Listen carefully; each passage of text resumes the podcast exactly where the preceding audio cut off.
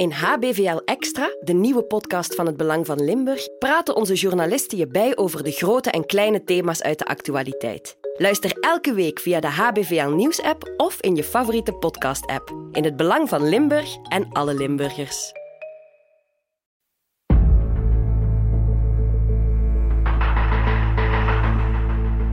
Iedereen verdient een tweede kans. Het is een veelgehoorde uitdrukking, niet in het minst in de rechtbank. Daar gelden deze woorden voor iedereen. Van de kleinste crimineel tot mensen die misdaden van de ergste soort begaan. Maar hoe wordt die tweede kans ingevuld? Hoe moeilijk is het voor ex-gedetineerden om na een verblijf in de gevangenis hun plaats in de maatschappij weer in te nemen? Op welke manier blikken zij terug op hun misstap? En wat voelen ze bij het leed van hun slachtoffers? Maar vooral, hoe kijken ex-daders naar de toekomst? Mijn naam is Geert op Teinde en ik vraag het hen zelf in de Dadertapes. De tape van Vincenzo, deel 2. Zijn baby houdt hem uit de cel. Ik ben Kathleen Keulers en ik eh, ben justitieassistent in het justitiehuis hier in Tongeren.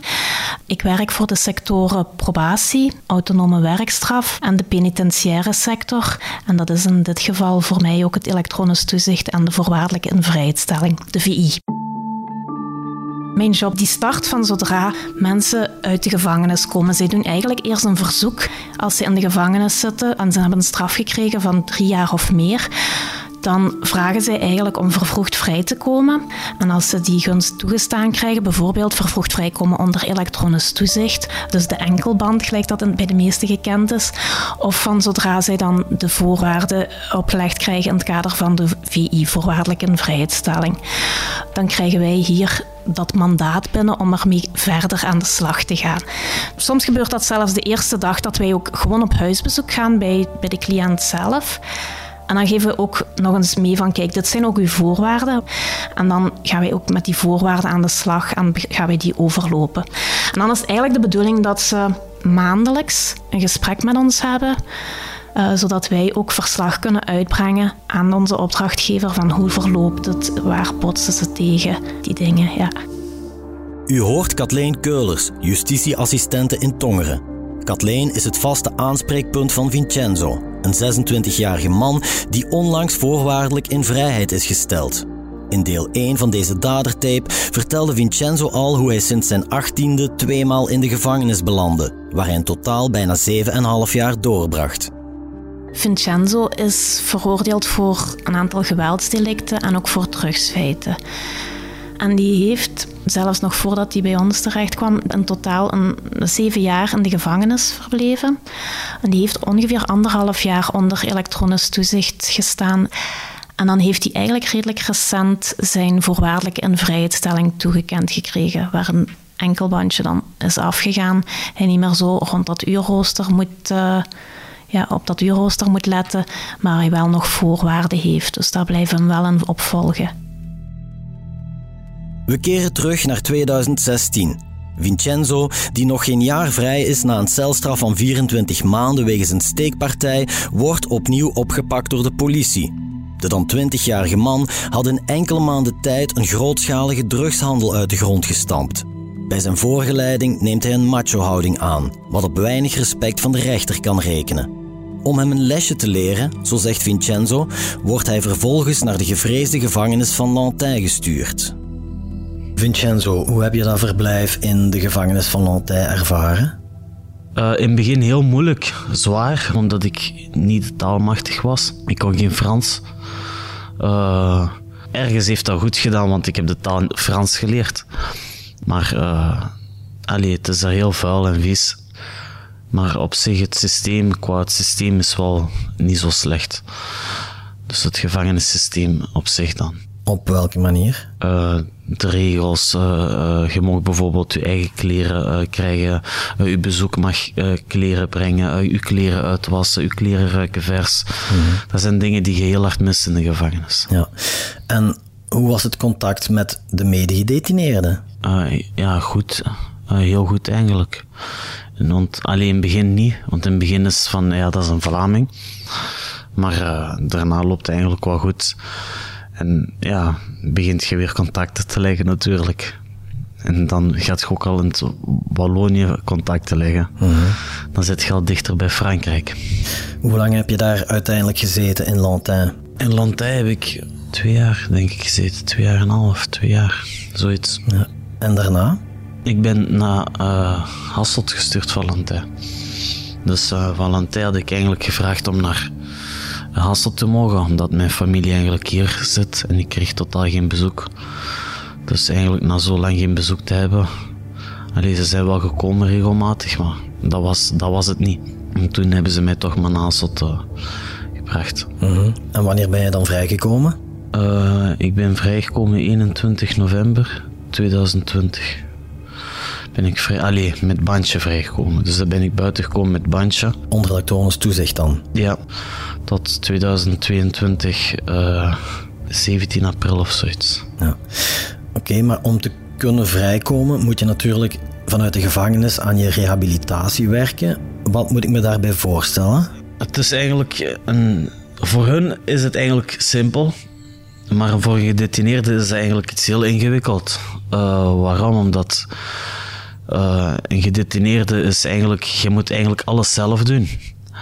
En oké, je hebt mensen die hebben geen, geen centen tekort, dus dat gaat allemaal. Dus die kunnen bijvoorbeeld belwaarden kopen, uh, naar buiten bellen, hun dingen regelen, uh, die hebben connecties, die kunnen dat allemaal. Maar je hebt ook mensen die niks hebben. En die mensen die niks hebben, die zitten jarenlang. -hmm omdat die worden niet geholpen door binnen, begrijp je? En, en dat, als ze dat meer, een, beetje, een beetje meer doen binnen, in plaats van te zeggen, hey, ja, je moet zorgen dat je woonst hebt, dat je begeleiding hebt en dat je uh, werk hebt. Maar hoe moet jij als gedetineerde die al twee, drie jaar binnen zit, zorgen dat je dat in orde hebt? dat gaat allemaal niet, begrijp je? Dus dat is niet realistisch wat, ze verwachten toch. Want ze verwachten dat jij stapgewijs werkt. Oké, okay, alle begrip voor die stapgewijs. Maar je moet het ook wel haalbaar maken. Je, allee, als je nergens bij iemand terecht kunt, raak je nooit buiten. Snap je ik wil zeggen? En dat is, dat, is, dat is dan moeilijk. En dan zeggen ze, ja, begeleiding moet je hebben. In alles. Uh, psychologisch, financieel. Uh, ja. Maar allee, als hun dat verwijzen, zou het handig zijn. Maar meestal is het, zet jij degene die dat dan moet zoeken voor naar buiten te komen. Mm -hmm. Maar ja, als je geen geld hebt en je kunt geen belwaarde kopen, hoe ga je dat zoeken? Maar het is toch niet zo dat er vanuit de gevangenis geen enkele ondersteuning is, of wel? Nee, daar heb je een PSD in de gevangenis voor. Dus PSD is eigenlijk een psychosociale dienst. Dat is eigenlijk de... Die mensen, daar heb je gesprekken mee. Daar moet je bijvoorbeeld een levensverhaal aan doen. Daar moet je bijvoorbeeld zo'n bundel invullen van... Uh, uh, wie ben ik? Uh, wat doe ik? Van waar kom ik? Wat is mijn stamboom? Wat doe ik niet graag? Wat doe ik wel graag? Dus al die vragen. Uh, dan moet je ook je woonst laten zien daar. Dus als je in orde zou zijn met woonst. je moet je, je financiële vlak laten zien. Dus je moet eigenlijk zorgen dat van... Ik ben nu in de gevangenis, ik heb niks. Als ik buiten ben, ben ik zo stabiel mogelijk. Snap je? Dus moet, jij moet eigenlijk zorgen dat je al stabiel bent voordat je buiten bent. Dat, dat, dat, dat, is moeilijk. Dat is echt moeilijk. Dus begrijp je? En dat is natuurlijk... Je moet ook iets leren, snap je? Hun, hun verwachten van u dat je iets leert, maar dan gaat je weer slechte dingen doen. Is dat bij jou gebeurd? Ben je na die tweede vrijlating opnieuw het slechte pad opgegaan dan? Dat totaal niet, uh, want ik heb dan het geluk gehad dat ik uh, eerst bij mijn zus verbleef. Dus allee, dus financieel vlak heb ik niet om moeten denken. Dus dat is dan ook wel mijn voordeel geweest van toen ik vrij kwam. Dus toen kon je wel terugvallen op het netwerk van je familie? Ja, dat zeker. Ook mijn vriendin natuurlijk. Dus uh, daar kon ik altijd wel op vertrouwen, op mijn vriendin of oftewel op thuis. Dus allee, ik ben buiten gekomen bij mijn zus en daarna, na een maand of twee, drie, ben ik bij mijn vriendin samen gaan wonen. Dus die geluk heb ik wel gehad. Uiteraard waren er ook voorwaarden verbonden aan jouw voorlopige vrijheid. Hè? Welke zoal? Uh, dat zijn zoal meer algemene voorwaarden. Uh, vooral ook niet contacten met slachtoffers. En ik, ik, allez, ik veralgemeen uh, zoal. Hè. Dus ook dat ik, ik moet ook naar bepaalde mensen toe eh, naar begeleidingen. Eh, ik heb ook coaches die mij helpen in, in reintegratie naar maatschappij toe. Dus daar komt heel wat bij kijken. Dat is niet, want alleen er staan wel voorwaarden natuurlijk. Ik heb bijvoorbeeld 7, 8 voorwaarden bij de meeste. En die voorwaarden, daar komt wel van alles bij kijken. Dat is niet dat dat alleen die voorwaarden is en het is zo. Er komt heel wat bij kijken bij die voorwaarden. Dus het is uiteindelijk meer dan dat je op die papier hebt staan. Het is eind 2020 wanneer Vincenzo vrijkomt met een enkelband. En dat elektronisch toezicht zal ongeveer anderhalf jaar duren, tot medio april 2022. Kan je eens uitleggen hoe zo'n toestel eruit ziet en wat het precies registreert? Het is een, uh, een, een, een, soort horloge eigenlijk, maar dan met zo'n rubberen band.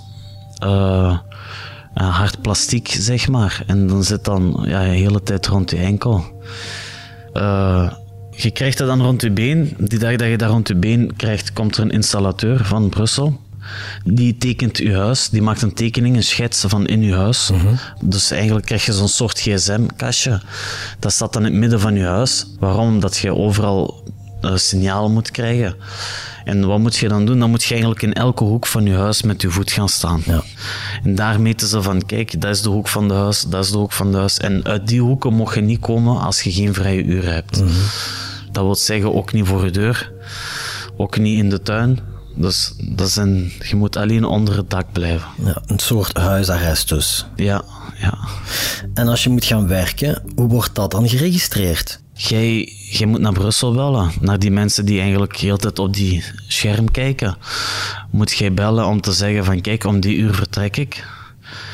En, uh, en je gaat ook de afstand berekenen van hoe lang je nodig hebt. Stel je voor met auto of met de fiets, dus je hebt altijd een afstand nodig. Dan gaan hun berekenen van om zo laat mogen vertrekken en om zo laat moet je terug binnen zijn. En stel nu dat je in de file staat of er gebeurt iets anders waardoor je niet op tijd thuis kan zijn. Dan moet je direct Brussel bellen. En dan moet je doorgeven van kijk, ik sta in de file. Dan moet je ook zeggen waar, snap je? En dan gaan hun dat opschrijven. Maar als je dat drie, vier keer aan de hand hebt, krijg je op een gegeven moment een herroeping. En die uren wordt van je vrije uren afgetrokken. Dus die, die minuten dat je te laat was, wordt, worden minuten minder op je vrije uren. En dat is, dat is, dat is, dat is, ja, dat is niet fijn. Mhm. Want in de bouw heb je vaak files. Welke impact heeft zo'n enkelband nog? Heel veel. Want het belemmert echt wel heel veel. Uh, hoe moet ik dat uitleggen? Uh, jij zet altijd zo een, je hebt altijd een druk op je. Uh, je moet altijd overal gehaast zijn. Je moet de hele tijd op de klok kijken. Uh, ben ik op tijd? Ben ik niet op tijd? Dus dat is eigenlijk zo. Je voelt je een beetje paranoïde op die vlak. Mm ja. En dat is geen fijn gevoel. Geen fijn gevoel, maar ik neem aan dat als je mag kiezen tussen een enkelband en de gevangenis, ja, dat je het dan wel zou weten, hè? Dat klopt. Een bandje is beter dan de gevangenis. Op bepaalde vlakken wel. Op bepaalde vlakken is het ook dan weer moeilijker omdat je je vrijheid hebt, maar die toch zeer beperkt is. Mhm. Want je ziet je vrijheid, maar je mocht niet weg. In de gevangenis zit je je vier muren en dat is het. En buiten, en, en, en eigenlijk als je je bandje hebt, dan zit je thuis. Ja. Je weet, iedereen gaat op stap, iedereen doet leuke dingen, iedereen doet dit. Je ziet iedereen voorbij rijden. Mm Jij wilt ook buiten. Ja. Dus dat is, dat is menselijk. En, en dat is, ja, daar heb je het moeilijk mee. Vooral in de zomer. Als het warm is buiten en je moet binnen zitten en kijken hoe dat iedereen in zijn shortjes en zijn theeslippers rondloopt, dan is het moeilijk. Hoe lang heb jij in totaal onder elektronisch toezicht gestaan? Ik heb die 18 maanden gehad. Van 2020 eh, in november 16 tot en met april. Ah, ja, nu pas 16, 17 april. Ik neem aan dat het dan wel als een bevrijding gevoeld moet hebben toen die enkelband uit mocht, hè? Ja, ik verloor mijn evenwicht. ja, dat was wel uh, een fijn gevoel. Ja. Toch wel. Mm Een euforisch gevoel, zeggen ze toch? Ja. Ja, zo, zo voelde ik mij op dat moment wel. Niet alleen is Vincenzo verlost van zijn enkelband, hij krijgt nog meer goed nieuws, waardoor het leven van de nu 26-jarige Limburger met Siciliaanse roots langzaam maar zeker in de plooi lijkt te vallen. Vincenzo, als je dan met je enkelband uit de gevangenis komt, hoe kijk je dan naar het leven, naar de toekomst? Uh, ik hoopte gewoon dat alles fatsoenlijk ging komen. Ik, ik had de hoop niet verloren. En ik wou uh, alles eraan doen voor goed, goed leven te, te hebben, snap je? Ja. daar lijk je behoorlijk in te slagen, want je bent nu al een hele tijd goed bezig. Wat is voor jou het kantelmoment geweest om te breken met je criminele verleden? De dag dat mijn vriendin mij zei dat ze zwanger was. En, uh, ja, en de dag dat mijn kleintje op de wereld is gekomen, is alles 360 graden gedraaid. Mm Dus uh, dat waren mijn kantelmomenten en dat blijft mijn houvast. Hoe voelde dat voor jou om een gezinsleven te kunnen opstarten? En zeker dan met een babyopkomst? Ja, uh, dat gezinsleven heb ik altijd wel gewild. Uh, ik ben altijd wel iemand die gezinspersoon is geweest. Um, ja, ik heb veel fouten gemaakt in mijn gezin, vroeger toen ik jong was. En daarom dat een gezin hebben mij heel veel, uh, allee, heel veel, hoe zeg je het, heel goed heeft gedaan. Ja. Vooral toen ik hoorde dat mijn vriendin zwanger was.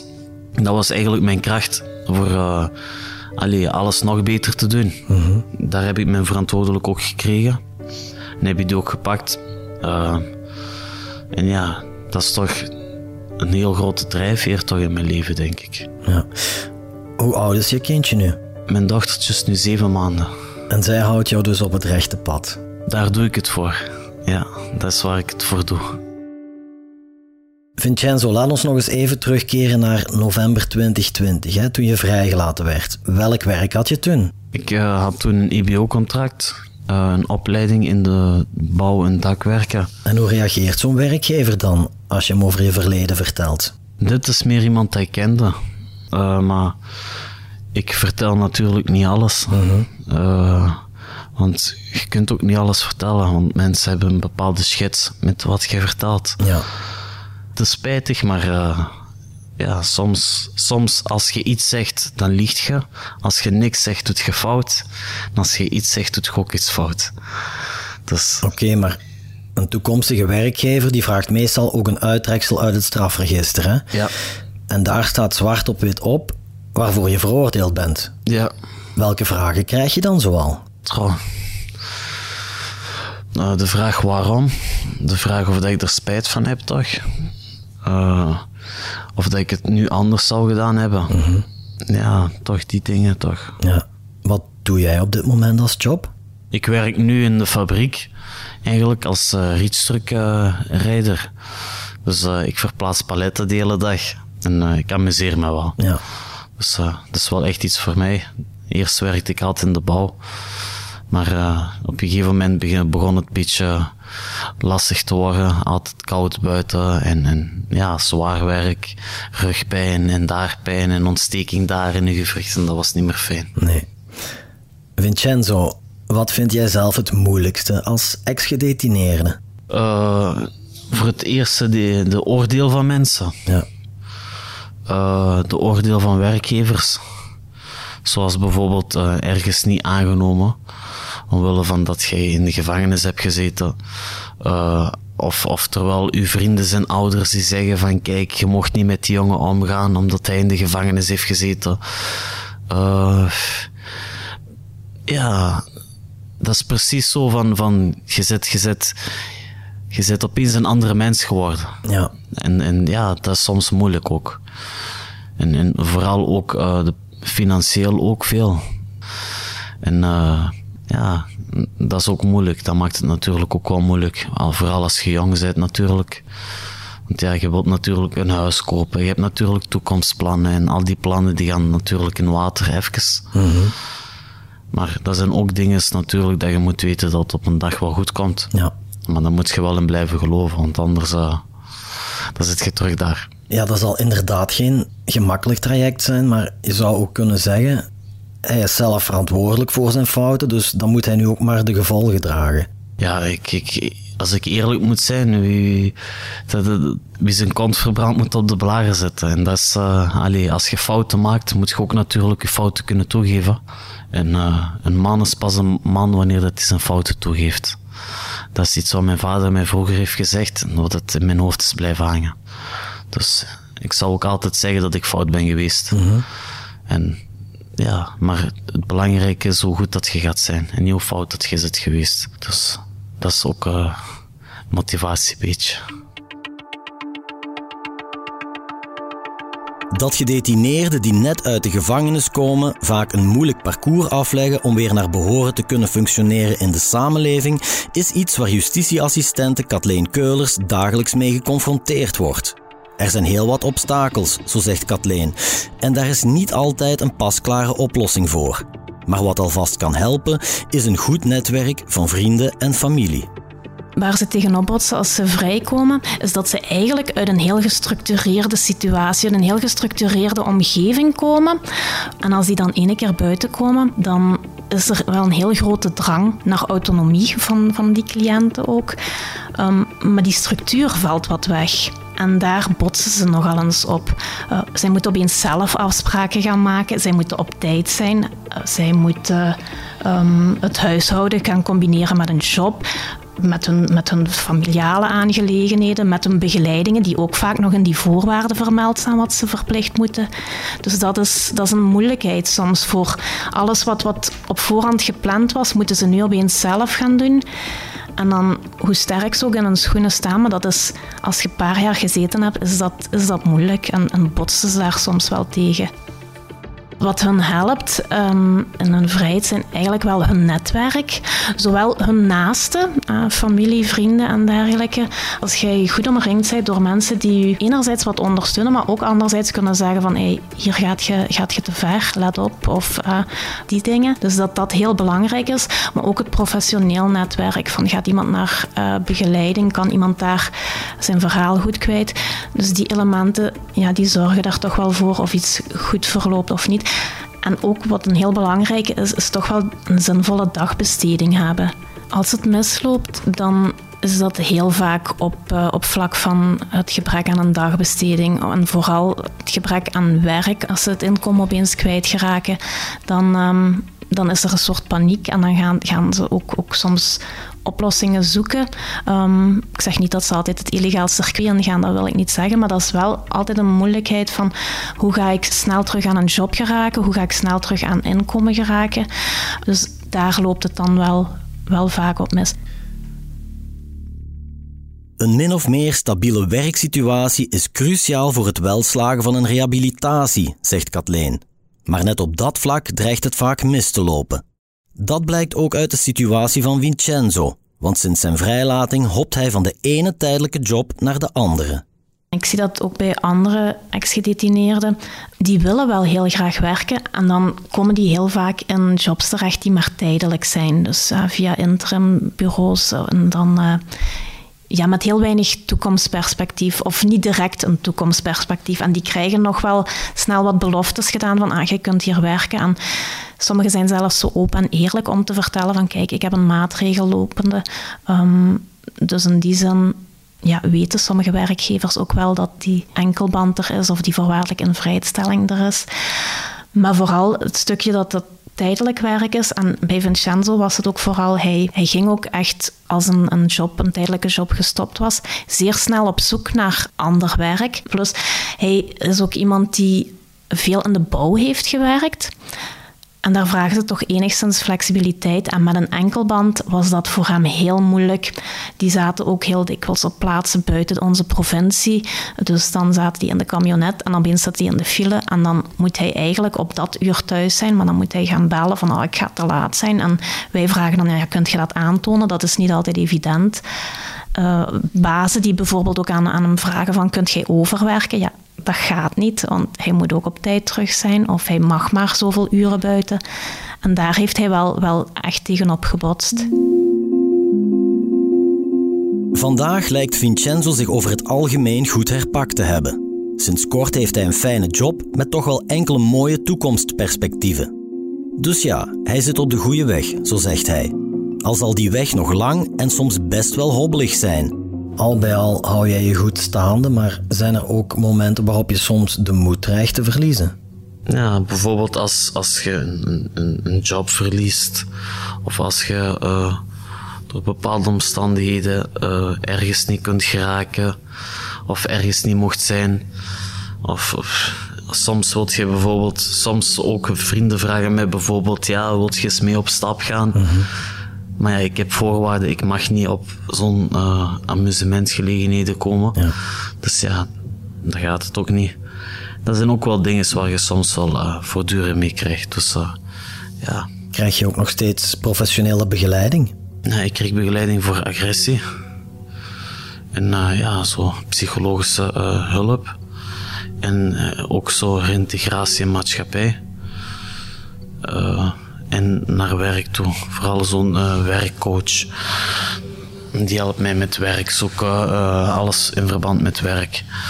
En ook financieel heb ik uh, collectieve schuldbemiddeling. Daarin zit ik ook nog. En wat houdt dat dan precies in, die collectieve schuldenregeling?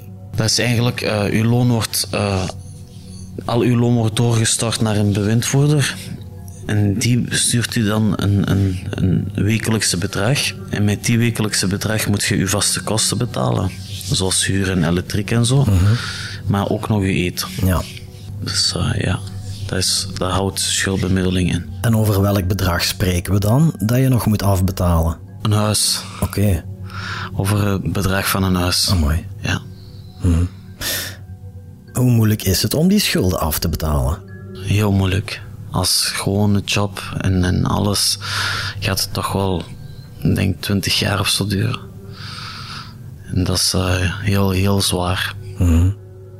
Vincenzo, hoe kijk jij vandaag terug op jouw misstappen? Als een levensles uh, kijk je daar toch op terug. Uh, dat zijn fouten die gebeurd zijn. Mhm. Waar ik voor geboet heb en nog steeds aan boete ben. Maar ja, moet ik het zeggen? Het is gebeurd. Met wat je vandaag weet, zou je de zaken dan nog op dezelfde manier aanpakken, denk je? Nee, dan zou ik het helemaal anders aangepakt hebben. Ja toch wel op een fatsoenlijke manier en op een wijze manier. Mhm. En niet op een impulsieve en agressieve manier. Ja, je vertelde eerder in dit gesprek over jouw macho-houding vroeger. Hè? Is dat iets wat in de loop der jaren wat getemperd is? Moet ik daar eerlijk op zijn? ik, heb, ik, ik denk dat dat, dat dat meer meer zit precies in de bloed of zo, denk ik. Ja. Want uh, allee, ik heb dat nog steeds wel fel. Ja. Niet van macho gedrag nu zo, nu is dat meer met eer en respect te maken. En, en mhm. dat is nog steeds macho gedragen. Ja, de manier waarop dat je het uit, die is dus anders geworden. Ja, voilà. Dat wel, ja. Dus, dus er is geen uiten meer. Dat is het verschil, denk ik. Vroeger was het meer in de belangstelling en aandacht. Mhm. Nu is het meer op de achtergrond. Maar we zijn er wel. Ja, de macho die zit ergens nog wel in jou. Maar die zit in zijn schelp. Ja. Snap je? Ja. Zo, zo, daar, daar heb ik het. Die zit in zijn schelp, begrijp je? Mhm. Daar hou ik die wel. Ja. En daar ben ik wel tevreden over dat ik die stap al heb gezet. En dat is belangrijk natuurlijk voor mijn dochter, dat ik mijn eer ook aan mijn kant zet soms. Mhm. Ja. Daar krijg ik alleen maar problemen door. Dat wil ik niet. Heb jij het gevoel dat jij jezelf je fouten uit het verleden kan vergeven? Ja, ja, toch wel. Ja, vergeven, dat moet wel. Hè. Je moet daar natuurlijk een plaats kunnen geven. Anders kun je ook niet verder met je leven. Mhm. Maar ik zou het wel anders aangepakt hebben. Ja. Denk je dat ooit nog de kans zou kunnen bestaan dat je toch nog voor de foute richting zou kiezen? Nee, want ik heb iemand wie ik moet grootbrengen. En uh, dat gaat niet. Die wordt ook groter. Dus de kans is alleen maar groter dat er niks gaat gebeuren. Ja. Dus uh, hoe groter zij wordt, uh, hoe, hoe, minder grote kans is dat er iets gebeurt. Ja. Dus jouw dochter die zal nooit een vader in de gevangenis hebben? Nee, dat zou nooit gebeuren. Dat is het laatste wat ik mijn dochter toewens. Mijn dochter heeft haar vader nodig. Vincenzo, kunnen we besluiten dat jij vandaag al bij al een gelukkig man bent? Ja, toch wel. Toch wel. Ik ben gelukkig. De kleine is wat mij het gelukkigste maakt. En gelukkiger dan dat kun je niet zijn. Dus, uh, allee, mij, mij maakt het geld niet meer uit. Uh, het feesten, het, het, het, doen, het, het stoer doen, het uh, ruige leven, dat interesseert me allemaal niet meer. Nu interesseert me die zachte babytjes. Dat is, dat is het enige wat me nog interesseert. Ja. Als je toch iets zou kunnen veranderen of verbeteren, wat zou dat dan zijn? Dat ik toch een, hoe zeg je dat, een, een, een, vaste, een vaste werk zo kan hebben.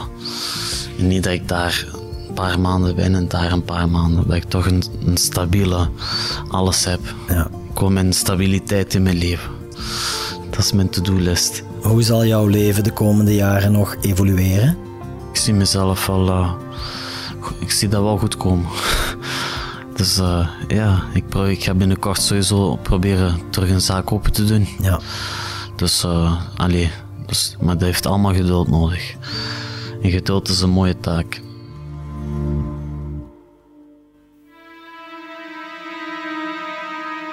De Dadertapes is een podcastreeks van het Belang van Limburg, gemaakt door Geert op Teinde. De montage en audioproductie worden gesuperviseerd door Len Melot. Cato Poelmans coördineert, samen met chef podcast Geert Nies. Bedankt voor het luisteren. En hebt u een vraag of wil u reageren? Stuur dan een mailtje naar podcast@hetbelangvanlimburg.be.